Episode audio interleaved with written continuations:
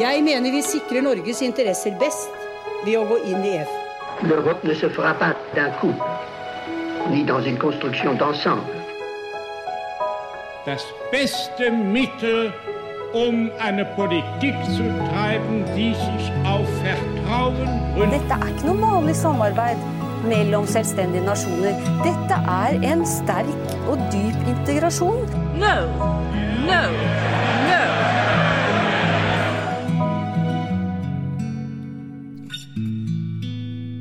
Velkommen til Det europeiske kvarter, en podkast om europeisk politikk og historie av Lise Rye og meg, Kristine Graneng, ved Europastudier på NTNU.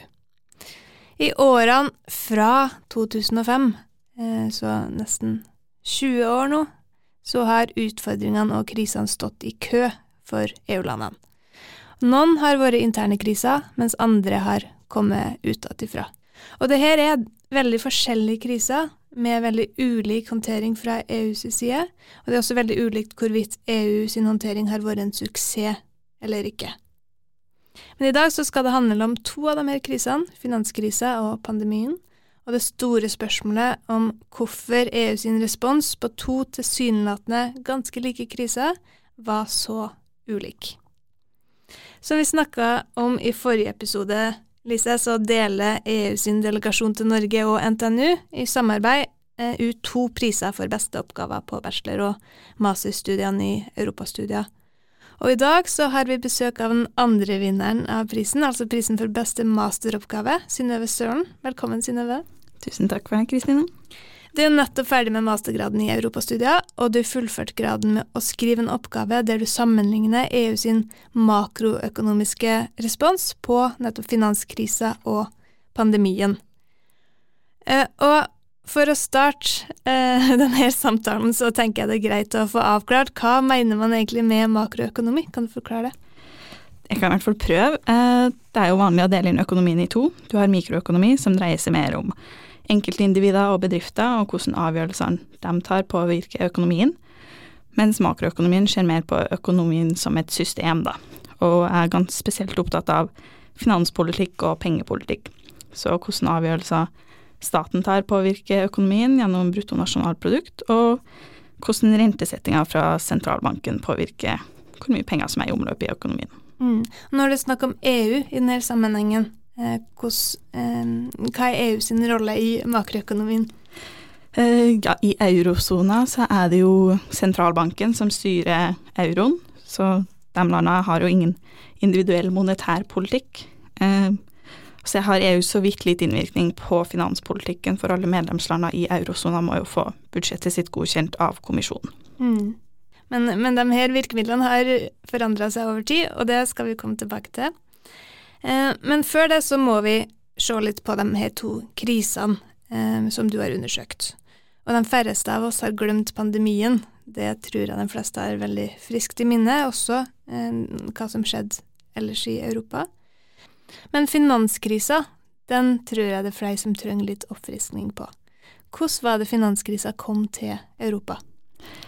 Den starta jo i det amerikanske eiendomsmarkedet, og da den amerikanske investeringsbanken Lehman Brothers kollapsa i høsten i 2008, så sendte jo ringvirkninger gjennom hele det internasjonale økonomiske systemet, og det da kom jo til Europa. Selv om det var ganske mange i EU som trodde at det ikke kom til å påvirke EU-økonomien, for den var sterk og robust. De tok jo litt feil her, hvis det er ettertid. Forut for denne krisa så hadde det vært mye sånn låning på mellom banker i eurosona og internasjonalt, eh, på grunn blant annet av den lave renta som sentralbanken hadde satt, og fordi det nå ble mulig å låne mer på tvers på grunn av at man hadde en felles valuta. Så da var det jo forutsetninger for at det, det var mye gjeld i Europa. Da var det forutsetninger for en stor økonomisk krasj når det da begynte å få negative ringvirkninger gjennom hele det økonomiske markedet. Så det var sånn den kom til Europa. Mm.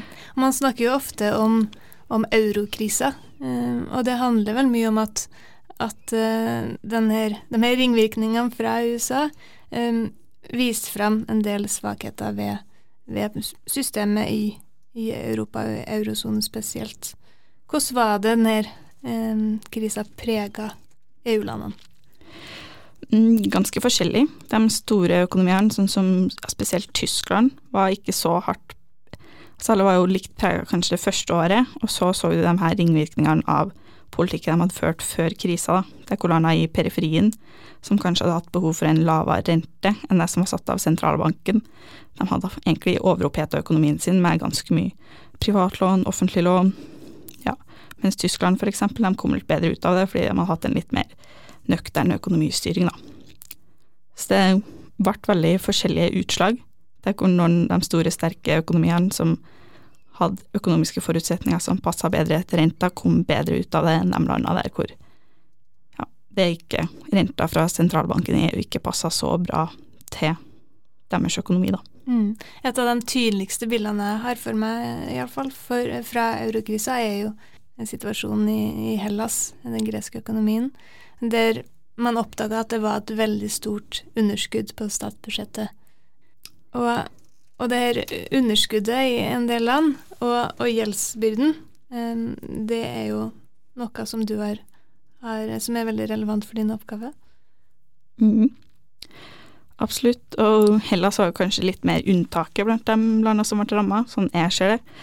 Eh, fordi Idland, Spania, Kypros og Portugal var det mer banksektoren som sto for mye av de her krisa som ble forårsaka, mens Hellas så var det jo staten som sto for det. De hadde jo et stort underskudd og en gjeld som jeg tror oversteg 100% av bruttonasjonalprodukt, så det, den var litt annerledes i Hellas kontra de andre landene, hvor det var ja, bankene som hadde stått for mye av krisa som oppsto.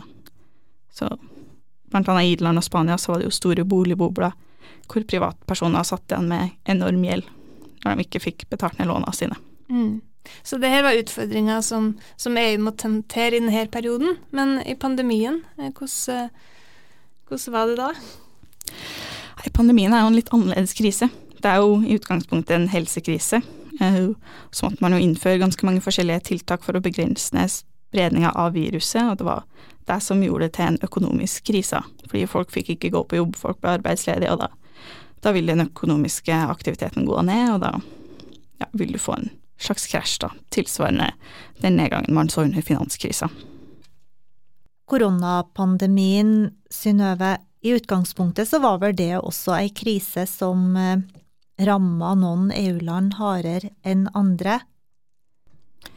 Ja, absolutt. Eh, det var jo noen land som fikk koronapandemien tidligere enn andre, blant annet Italia kom jo ikke så bra ut av det. Eh, det er hvor helsesektoren deres nærmest kollapsa. I tillegg så er det jo noen land som er mer avhengig av turisme for økonomien sin, som fikk seg en kjempenedtur da alt stengte ned. Så ja, så det ramma jo noen mye hardere enn andre sånn sett, da, selv om effekten mer overalt var mer symmetrisk enn finanskrisa. Mm. Så, men det du først og fremst har vært interessert i å undersøke, det er jo de økonomiske konsekvensene av krisa, og hvordan de ble håndtert fra mm. EUs side. Ja, Eh, så jeg valgte å se på tre makroøkonomiske variabler, som var brutto nasjonalprodukt, arbeidsledighet og offentlig gjeld. For så hvordan endringer i dem var forskjellige fra de to krisene. Det eh, hadde vært ganske tydelig at finanskrisa var veldig asymmetrisk, mens koronakrisa var mer symmetrisk, da. Det her er interessant, det med symmetri eller mangel på symmetri, og hvordan de to krisene skiller seg fra hverandre på det punktet. Kan du si litt mer om det? Hva betyr det egentlig at en krise er asymmetrisk eller symmetrisk, om du vil? Mm, nei, når en krise er asymmetrisk, så betyr det at den påvirker ulike land forskjellig. Så det kan være Altså, finanskrisa traff jo på en måte alle EU-landene likt, men fordi de hadde forskjellige økonomiske forutsetninger, så slo den ut ganske forskjellig. Koronakrisa derimot det slo ut mye mer likt i økonomien. Det var den samme effekten som var på, påvist i alle land. Så det var derfor EU kanskje responderte litt forskjellig òg. Med fare for å bevege meg ut på et sidespor her, men, men de her krisene, du var så vidt inn på det, eh, at eh, noen land hadde ført en, en uansvarlig økonomisk politikk. Eh, de hadde til en viss grad seg sjøl å takke for det uføret de havna i. Kan vi si at det er også en forskjell mellom de to krisene. Kanskje ikke så relevant for akkurat din analyse, hører jeg nå, men det er vel en forskjell at mens den ene krisa til en viss grad er selvforskyldt, så er den andre absolutt ikke det? Ja, definitivt. Det sa jo en av mine informanter til oppgaven at var, folk var kjempesint under finanskrisa fordi måten spesielt da periferilandene hadde oppført seg forut for krisa. Og da var det et mindre ønske fra EU sin side å kanskje komme med en felles respons òg, da. Så koronakrisa var jo ingen sin skyld. Det, så da var det kanskje det lettere for EU å finne en felles respons òg. Og da må vi over på responsen. Kan vi mm, Kan du si noen ting om hvordan denne opplevelsen av krisa som uh, sjølforskyldt eller uforskyldt påvirka den EU sin respons på noen måte? Ja, så den påvirka den jo definitivt. Um, det var mye mer solidaritet, kanskje, hvis man skal skjoldt mer på det perspektivet. Det, når alle opplevde det samme, så var det lettere for EU å finne felles løsninger òg. Det var ingen som kunne ha skyld på Hellas eller Italia for en del, for at de sto litt dårligere skilt under koronapandemien kontra finanskrisa. Så da ble det ja, lettere for EU, lettere for politikerne å finne sammen og lage felles løsninger. I motsetning til finanskrisa, hvor man hadde veldig forskjellige situasjoner. Det var sjølforskyldt for mange.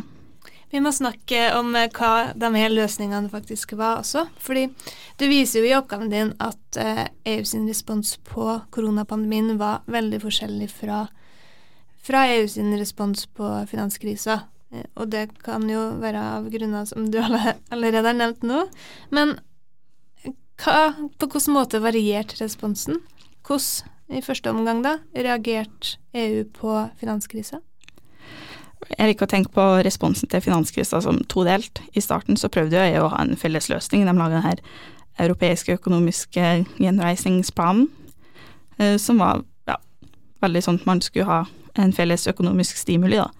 Eh, den fungerte jo ikke så bra, så etter et års tid så gikk man over til mer eh, sånne økonomiske innstramninger da, for de landene som var dårligst stilt.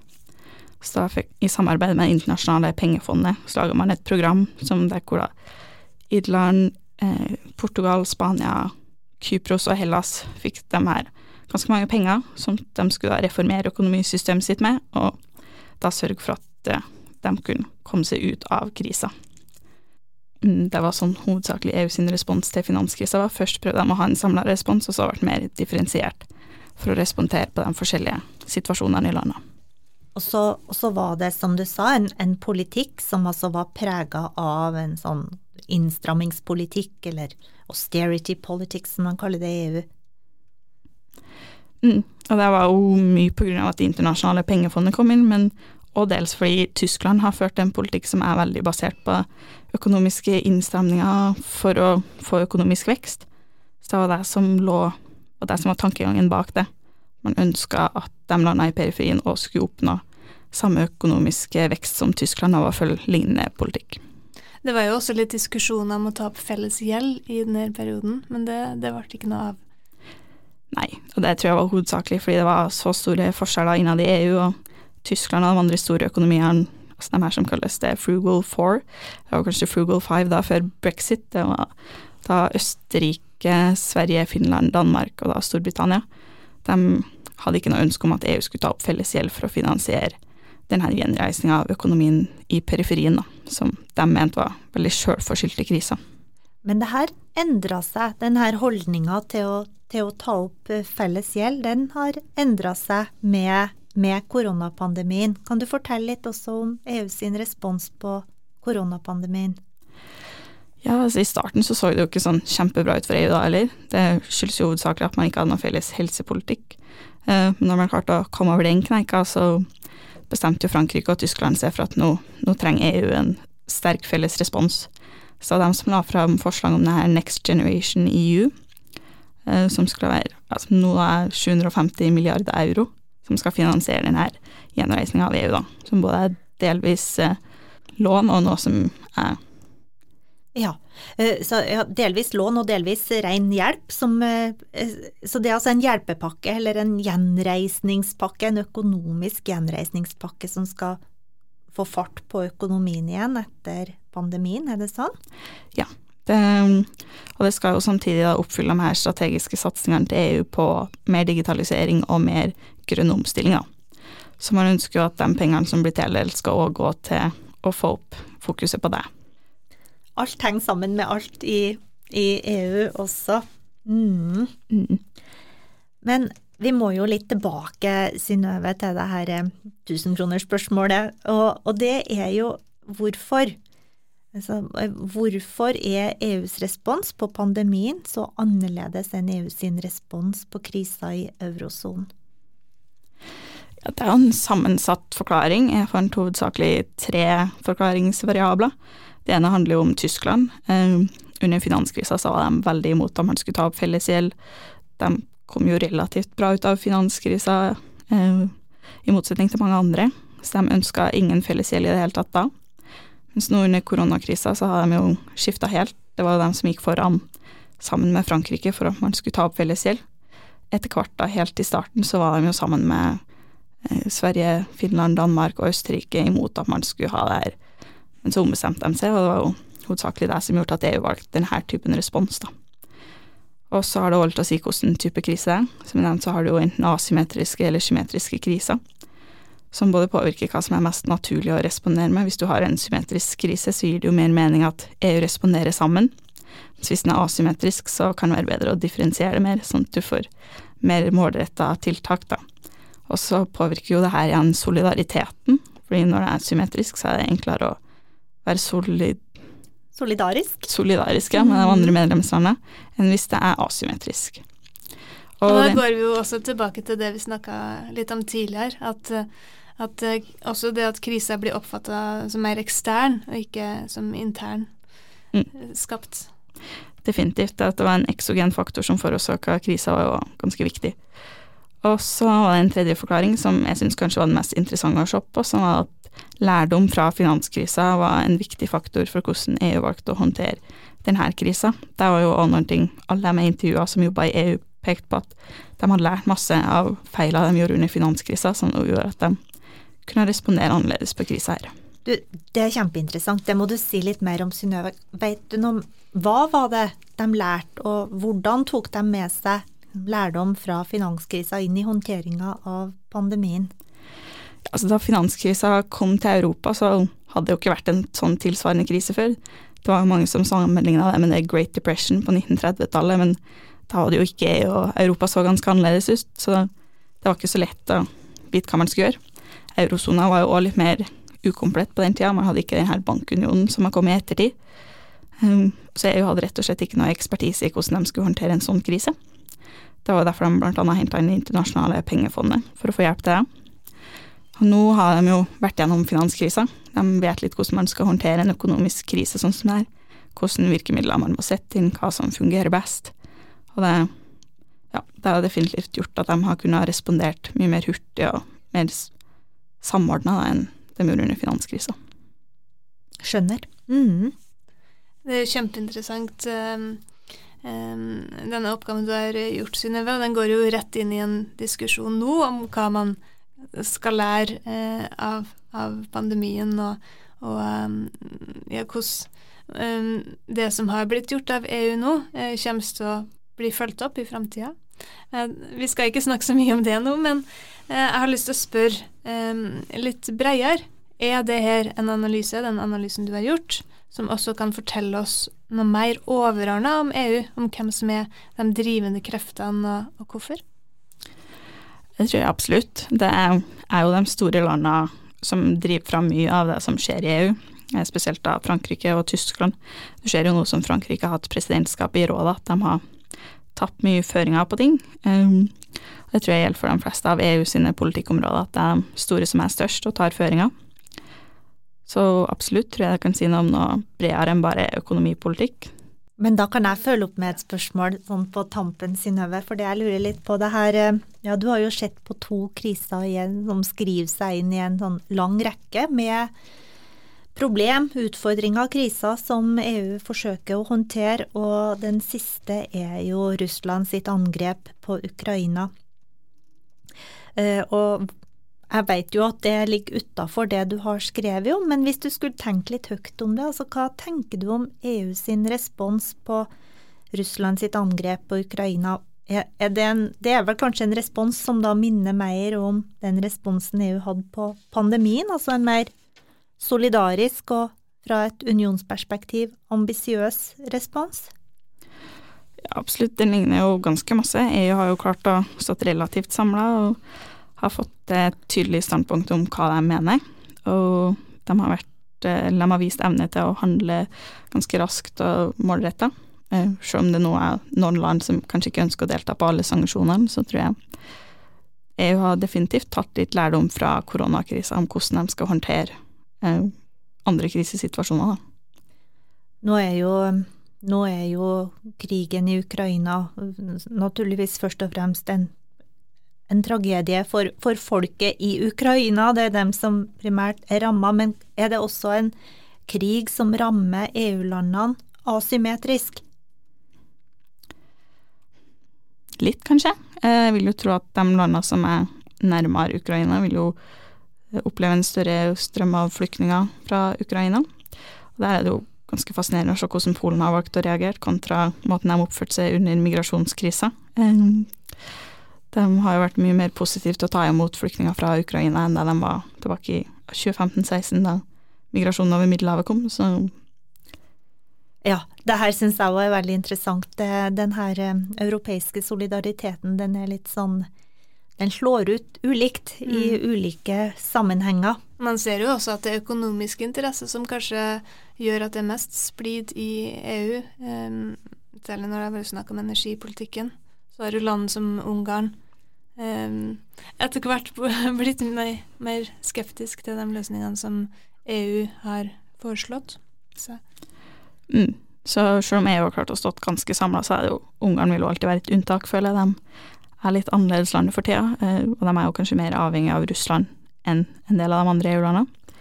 Så da vil det jo bli en litt differensiert eh, respons, spesielt i forhold til sanksjonene og sånn, men kontra den differensieringa man så under f.eks. finanskrisa, så tror jeg EU har stått ganske mye samla under den krisa her og vært mye mer solidarisk, definitivt. Eh, som kanskje er lettere når krisa rammer så nærme sitt eget. Tusen takk for at du ville komme og prate om oppgaven din hos oss, Synnøve. Det var veldig kjekt. Jo, takk for at jeg fikk komme. Ja, da gjenstår det bare for oss å gratulere deg enda en gang, Synnøve, med prisen for beste masteroppgave i europastudier, og riktig god sommer. Jo, takk for det. En riktig god sommer til dere som hører på oss også. Vi er tilbake til høsten igjen med en ny sesong av Det europeiske kvarter. Da skal vi snakke mer om hva som rører seg i EU nå, men vi skal også markere noen jubileum. Inntil da så vil jeg minne om at vi er både på Facebook og på Instagram. Vi heter Det europeiske kvarter begge plasser, og det deler vi når det kommer nye episoder, men også en del annet interessant stoff som handler om det vi snakker om i podkasten. Blant annet så vil vi legge ut lenke til Synnøve sin masteroppgave når den er lagt ut. Og vi setter også veldig stor pris på kommentarer og innspill hvis dere har det til oss, enten på sosiale medier eller på e-post. Så da ønsker vi igjen en god sommer. Vi høres til høsten.